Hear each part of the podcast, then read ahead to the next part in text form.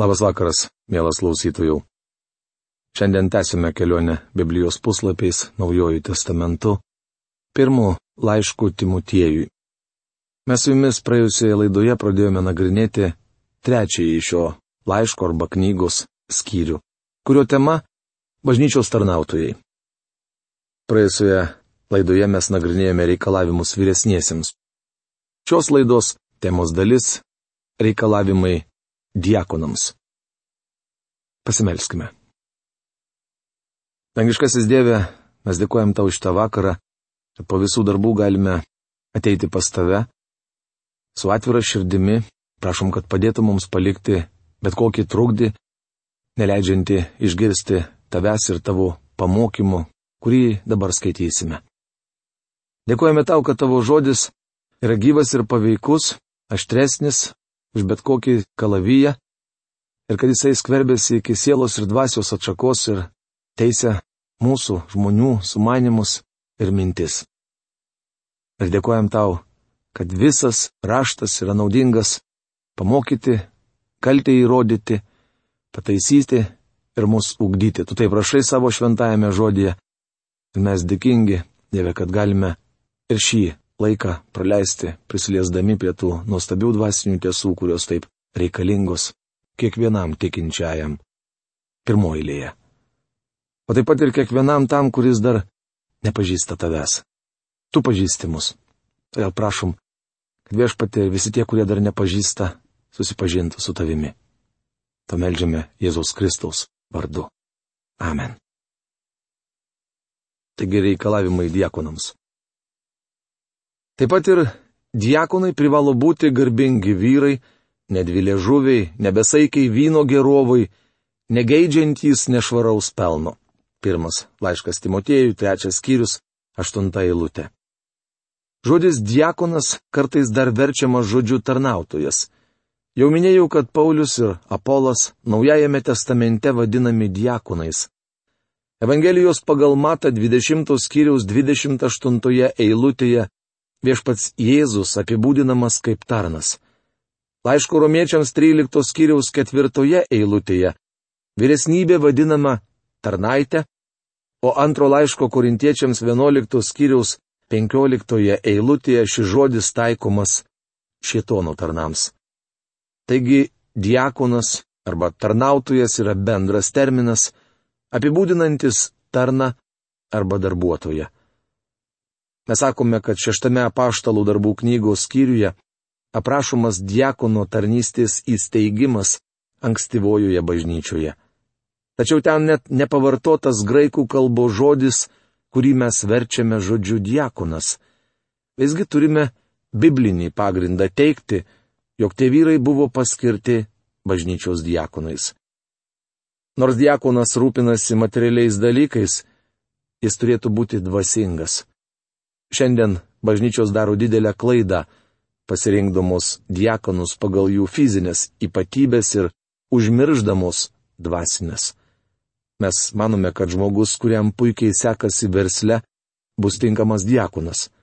Tenka pripažinti, kad tokiu būdu tarnautojai renkami daugelįje bažnyčių. Aš jau nesikiai akcentavau, kad vietinė bažnyčia yra ir organizacija, kuri privalo atsiskleisti visuomenėje. Tai darydama ji susiduria su kasdieniškomis problemomis. Jei aktualūs statybos, šildymo, elektros energijos bei kiti nelabai romantiški klausimai. Visgi svarbiausia, kad bažnyčia tarnautų visuomeniai dvasiškai. Mes dažnai teikiame pirmenybę fiziniams gabumams, tačiau bažnyčios tarnautojams svarbiausios dvasinės savybės. Kažkas yra pasakęs, Praradusi ryšį su kitu pasauliu, bažnyčia praranda ryšį ir su šiuo. Visa širdimi pritariu šiam teiginiui. Neakcentuodama dvasinių aspektų, bažnyčia šioje žemėje negali atlikti materialių ir praktinių funkcijų. Taigi, diakonams būtinos tam tikros dvasinės savybės. Apaštalas Paulius rašo, kad diakonai privalo būti garbingi Kitaip tariant, jie turėtų būti kilnus. Bet to diakonas neturėtų būti dviveidis, jo žodis turėtų būti šio to vertas. Pavojinga, kai žmogus tengiasi įtikti visiems ar neturi drąsos apginti savo nuomonės. Tarnautojas negali būti nei labai minkšto širdies, nei diktatorius. Kitaip tariant, jis privalo rasti aukso vidurį. Toliau Paulius rašo, kad tarnautojai neturėtų būti besaikiai vyno gerovai. Akivaizdu, kad Biblija moko saikingumo, todėl norėčiau, kad tai įsidėmėtumėte. Nemanau, kad Biblijoje propaguojama visiška abstinencija, matanomis dienomis nebuvo daug medikamentų ir vynas buvo vartojamas kaip vaistas. Pirmo laiško Timotiejui penktos skyriaus 23 eilutėje Paulius ragina Timotiejų išgerti šiek tiek vyno dėl skrandžio. Net ir šiandien daugelį geriamų vaistų yra didelis procentas alkoholio. Bėda ta, kad šiandien alkoholis yra pagrindinis svaigalas. Piktnaudžiavimas alkoholiniais gėrimais tapo kasdieniniu reiškiniu, todėl mano nuomonė bažnyčia turėtų propaguoti visišką abstinenciją. Nemanau, kad krikščionis turėtų vartoti alkoholį kaip gaivų į gėrimą. Frazė negeidžiantys nešvaraus pelno reiškia, kad Jakonas neturėtų jausti nepasotinamos meilės pinigams. Jis turi būti doras žmogus, sažiningai tvarkantis finansinius bažnyčios reikalus. Niekas negali pakengti bažnyčiai labiau nei kaltinimas, jog diakonas grobsto įplaukas. Visos aukos turi būti panaudotos tam, kam jos buvo skirtos. Per ilgus tarnavimo metus įsitikinau, kad daugumai bažnyčių vadovauja duri žmonės. Visgi nesažiningų tarnautojų mažuma drumščia vandenį ir sukelia daug problemų. Bažnyčia turėtų parodyti pasauliui, jog yra nepeiktina ir sažiningai tvarko piniginius reikalus. Bet saugantys tikėjimo slėpinį tyroje sąžinėje. Pirmas laiškas Timotiejų trečias skyrius, devinta eilutė. Tikėjimo slėpinys yra Kristaus Evangelijos apreiškimas. Sakydamas tikėjimo, Paulius kalba ne apie abstrakčią tikėjimo vertybę, bet apie tikėjimo mokslą. Paulius vadina tai slėpiniu, nes apie šį mokslą nebuvo kalbama Senajame testamente. Jis atskleistas tik Naujajame testamente. Apaštalų darbų knygoje mums sakoma, kad ankstyvoji bažnyčia laikėsi apaštalų mokslo. Apaštalų mokslas ir buvo ankstyvosios bažnyčios tikėjimas. Tokio tikėjimo turėtų laikytis ir nūdienos bažnyčia. Daugelis žmonių mano, kad tikėjimas yra senamadiškas ir jį reikia keisti. Prieš keletą metų viename laikraštyje pasirodė didelis straipsnis, kuriame buvo plėtojama ši idėja. Jo autorius sudarė šio laikišką septynių mirtinų nuodėmių sąrašą, į kurį įtraukė savanaudiškumą, netoleranciją, abejingumą, žiaurumą, smurtavimą ir naikinimo dvasę. Tame sąraše gašlumą pakeitė skrupulingumas. Tikriausiai jums kyla klausimas, kodėl? Todėl, kad anot straipsnio autoriaus gašlumas virto kasdieniniu reiškiniu. Be to į tą sąrašą nebuvo įtrauktas apsirijimas, nes tai neva yra mytybos, o ne teologijos problema. Tokie žodžiai kaip godulystė ar dikaduoniavimas buvo nurašyti kaip atgyvenus. Straipsnio autorius pažymėjo, kad įvairūs visuomenės sluoksniai skirtingai suvokia nuodėmę. Pavyzdžiui, jaunimas veidmainystę laikytų vieną iš didžiausių nuodėmių. Tuo tarpu naikinimo dvasios neįtrauktų į sąrašą, nebent tai reikštų tik gamtos naikinimą. Pagyvenę žmonės į šį sąrašą mielai įtrauktų triukšmavimą, ilgų plaukų nešiojimą ir nemandagumą. Akivaizdu, kad šiame sąraše išvardytos senos nuodėmis, tik joms duoti nauji vardai. Pavyzdžiui, svetimo turto geidimą pakeitė savanaudiškumas. Straipsnėje buvo teigiama, jog ankstesni stereotipai pasenę ir juos būtina pakeisti, jei norime, kad nuodėmė išliktų šio laikiška ir turėtų nors šiokią tokią moralinę galę. Baigdamas autorius pabrėžė, kad nuodėmė savoką vertėtų išsaugoti. Aš visiškai sutinku su tuo, kad nuodėmė savoką būtina išsaugoti, tačiau esu įsitikinęs, kad nuodėmė niekiek nepasikeitė. Visa, ką Biblija vadina nuodėmė, tebėra nuodėmė, nes žmogaus prigimtis išliko tokia pati. Jei bažnyčia nori atstovauti viešpačiui Jėzui Kristui žemėje, dvasinės savybės, kurias Biblija nustato tarnautojams, turėtų būti aktualios ir šiandien. Bažnyčia ir jos tarnautojai privalo laikytis Naujojo testamento mokymo ir vadinti nuodėmę visą, ką Dievo žodis apibūdina kaip nuodėmę. Frazė tyroje sąžinėje reiškia nesažinėje paženklintoje įdagų. Plačiau apie tai rašoma pirmo laiško Timotiejui ketvirtos kiriaus antroje eilutėje. Ir jie pirmiau turi būti išbandyti, o paskui, jei pasirodys esą be kalties, tegul diekonauja. Pirmas laiškas Timotiejui, trečias skyrius, dešimta eilutė. Žmogus negali būti paskirtas tokioms atsakingoms pareigoms praėjus vos mėnesiui nuo to laiko, kai pradėjo lankyti bažnyčią. Jis turi įrodyti, jog atitinka visus čia išvardytus reikalavimus. Dabar Paulius tarė žodį apie diakonų žmonas. Joms taip pat keliami tam tikri reikalavimai. Moteris taip pat turi būti garbingos, nešmeižikės, blaivios ir patikimos visuose reikaluose. Pirmas laiškas Timotiejui trečias skyrius vienuolikta eilutė. Žodis garbingos reiškia, kad jos turi būti rimtos, gebančios susitvardyti. Toliau Paulius rašo, kad diekonų žmonos turėtų būti nešmeižikės, kitaip tariant, neliežuvautojos. Paskalas skleidžianti diekonų žmona gali padaryti daug žalos bažnyčiai. Be to diekonų žmonos turi būti blaivaus proto. Frazė patikimos visuose reikaluose reiškia, kad Jakono žmona privalo būti ištikima savo vyrui bei Kristui ir jo darbui. Diekonai tebūnėti kartą vedę, gerai tvarkantys savo vaikus ir namus, kurie tinkamai diekonaus įsigis garbingą laipsnį ir tikrą tikėjimo drąsą Kristuje Jėzuje. Pirmas laiškas Timotėjui, trečias skyrius, 12-13 eilutės. Kaip matome, diakonams ir jų šeimoms keliami tokie pat reikalavimai kaip ir vyresniesiems.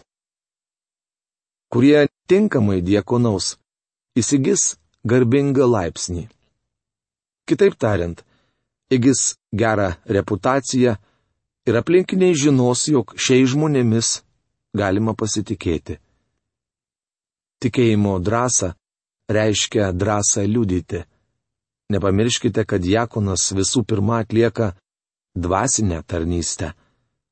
Prisimenu atvejį, kai Diakonas buvo paprašytas užimti vyresniojo vietą. Jis atsakė, jog nesijaučia pakankamai dvasingas ir neišmano šventojo rašto pakankamai gerai, kad galėtų eiti vyresniojo pareigas. Tokiu atveju jis nebuvo tinkamas ir diakono pareigoms. Bažnyčia buvo išrinkusi šį vyrą vien dėl to, kad jam puikiai sekėsi versle. Dar kartą kartoju, kad Kristaus bažnyčiai atstovauti gali tik dvasinius reikalavimus atitinkantis vyresnieji ir diakonai. Pauliaus pranešimas Timotiejui. Rašau tau apie šiuos dalykus, nors turiu vilti greit atvykti pas tave. Pirmas laiškas Timotiejui, trečias skyrius, keturiolikta eilutė. Kaip žinote, šis laiškas buvo parašytas, kai Paulius buvo Makedonijoje, o Timotiejus Efeze. Apaštalas tikėjosi, kad greitai galės atvykti pas savo jaunąjį bičiulį. Jeigu užtrukčiau, Noriu, kad žinotum, kaip reikia elgtis Dievo namuose, kurie yra gyvojo Dievo bažnyčia, tiesos stulpas ir atrama. Pirmas laiškas Timotiejui trečias skyrius, penkiolikta eilutė. Manau, ši eilutė geriausiai apibūdina pirmą laišką Timotiejui, nes jame kalbama apie tvarką bažnyčioje. Paulius sako, rašau tai, kad žinotum, kaip reikia elgtis Dievo namuose. Frazė gyvojo Dievo bažnyčia reiškia, kada paštalas rašo tikrai bažnyčiai, kur yra tiesos stulpas ir atrama. Stulpas reiškia tvirtą atsparą. Paulius pabrėžia, kad bažnyčia privalo būti tiesos stulpas ir paspirtis. Jei tarnautojai neatstovauja tiesai, bažnyčia neturi pamato ir negali išlaikyti dieviškos tiesos. Kai kurie žmonės dedasi remia tiesą, tačiau jų gyvenimai rodo ką kitą. Pažinojau diakoną, kuris nešiojusi po pažastimi didžiausią Bibliją, kokią man kada nors yra tekę matyti. Knyga buvo tokia sunki, kad jis eidavo persikreipęs, tačiau tasai diakonas nebuvo patikimas. Bažnyčiai, kurioje tarnavo jis padarė daug žalos ir užtraukė blogą vardą. Paulius rašo, kaip turėtų elgtis bažnyčia, įdant galėtų atstovauti Dievo tiesai ir skelbti ją žūstančiam pasauliui. Ir kaip visi sutinka, didis yra maldingumo slėpinys. Jis apsireiškė kūne, buvo dvasios pateisintas, pasirodęs angelams paskelbtas pagonims, įtikėtas pasaulyje ir paimtas išlovę. Pirmas laiškas Timotėjui, trečias skyrius, šešiolikta eilutė. Gali būti, kad šioje eilutėje užrašytas vienas iš seniausių bažnyčios tikėjimo išpažinimų. Kai kas mano, jog tai viena iš ankstyvosios bažnyčios giesmių. Frazė, kaip visi sutinka, reiškia, kaip visiems žinoma. Didis yra maldingumo slėpinys. Maldingumo slėpinys yra tai, kad Dievas atėjo į šį pasaulį Jėzaus Kristaus asmenyje, prisijėmė mums skirtą bausmę ir dabar daro vyrus bei moteris maldingus. Tai yra panašius į Dievą. Iš frazės jis apsireiškė kūne akivaizdu, kad Paulius skelbė nekaltą Kristaus prasidėjimą. Bet to jis sakė, jo Kristus egzistavo iki įsikūnyjimo. Tai buvo dvasinė egzistencija. Apaštalas Paulius laiško filipiečiams antros skyriaus šeštoje eilutėje rašo, kad jis turėjo Dievo pavydalą. Laiško hebrajams pirmos skyriaus trečioje eilutėje rašoma, jog Kristus buvo Dievo šlovės atšvaitas, kitaip blizgesys ir jo esybės paveikslas. Evangelijos pagal Joną ketvirtos kiriaus 24 eilutėje užrašyti paties viešpaties Jėzaus žodžiai. Dievas yra dvasia. Taigi nematomas Dievas ėmė ir pasirodė. Jis įsikūnijo ir atėjo į žemę. Jis tapo žmogumi ir apsigyveno tarp mūsų. Tokiu būdu jo dvasinės esybės bruožai buvo užmaskuoti. Šią mintį savo Evangelijoje yra išreiškęs apaštalas Jonas. Jis rašo. Tas žodis tapo kūnu. Jis gimė kūnu ir gyveno, tai yra pasistatė savo palapinę čia, tarp mūsų. Tai Evangelija pagal Joną, pirmas skyrius, keturiolikta eilutė kaip Dievas buvo neregimas susitikimo palapinėje, taip Jėzus Kristus, kai gyveno tarp mūsų kūniškoje palapinėje, buvo paslėptas nuo žmonių akių. Kitaip tariant, jis neatsiskleidė žmonėms. Žmonės jo nepažino. Tas, kuris pradžioje buvo Dievas pas Dievą ir per kurį visa atsirado, tapo mažu bejėgiu kūdikėliu. Jis buvo neregimojo Dievo paveikslas ir turėjo visą galę danguje bei žemėje. tačiau ateidamas į žemę jis apsivilko žmogaus kūnu. Nepažinę jo žmonės elgėsi su juo kaip su apsišaukeliu, uzurpatoriumi bei pikžodžiautoju. Žmonės nekentė jo, persekiojo jį ir nužudė. Kūne apsireiškęs Dievas kentė skurdą, buvo gundomas bei mėginamas ir net liejo ašaras. Toliau Paulius rašo, kad jis buvo dvasios pateisintas. Atkreipkite dėmesį, jis buvo pateisintas ne kūnu, o dvasia. Viešpas apsireiškė kūne, taip jį matė pasaulis, tačiau buvo pateisintas arba išteisintas dvasia per prisikeilimą. Dievo dvasia. Retkarčiais jo šlovė atsiskleisdavo ir žemėje. Tuomet pasirodydavo, kas jis yra iš tikrųjų.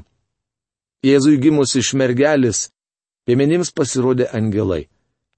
Jo šlovė atsiskleidė per jo krikštą, atsimainimą bei suėmimų valandą. Evangelijos pagal matą 27 skyriaus 54 eilutėje rašoma, kad Kristaus nukryžiavimą stebėjęs šimtininkas sakė, tikrai šitas buvo Dievo sūnus. Jis buvo pateisintas, kaip prisikėlė iš numirusių.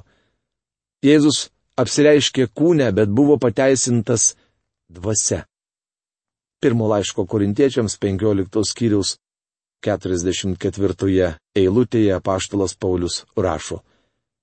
Sėjamas jūslinis kūnas. Keliasi dvasinis kūnas. Joks priešas negalėjo pakengti jam po to, kai jis prisikėlė iš numirusių. Viešpats Jėzus Kristus daugiau niekada nebus pažemintas. Kadangi jis buvo atėjęs į žemę ir dabar vėl yra Dievo tėvo dešinėje, mes, galime būti išteisinti. Žemėje jis buvo paukotas dėl mūsų nusikaltimų. Kitaip tariant, užėmė nusidėjėlių vietą, o dabar užleidžia mums savo vietą danguje ir mes įgyjame išteisinimą. Mielas bičiuli, tai nuostabu. Avaštalas Paulius rašo, kad jis pasirodė angelams. Atkreipkite dėmesį, kad čia nesakoma, jog jis matė angelus. Paulius sako, kad angelai matė jį. Viešpats sugrįžo į dangų.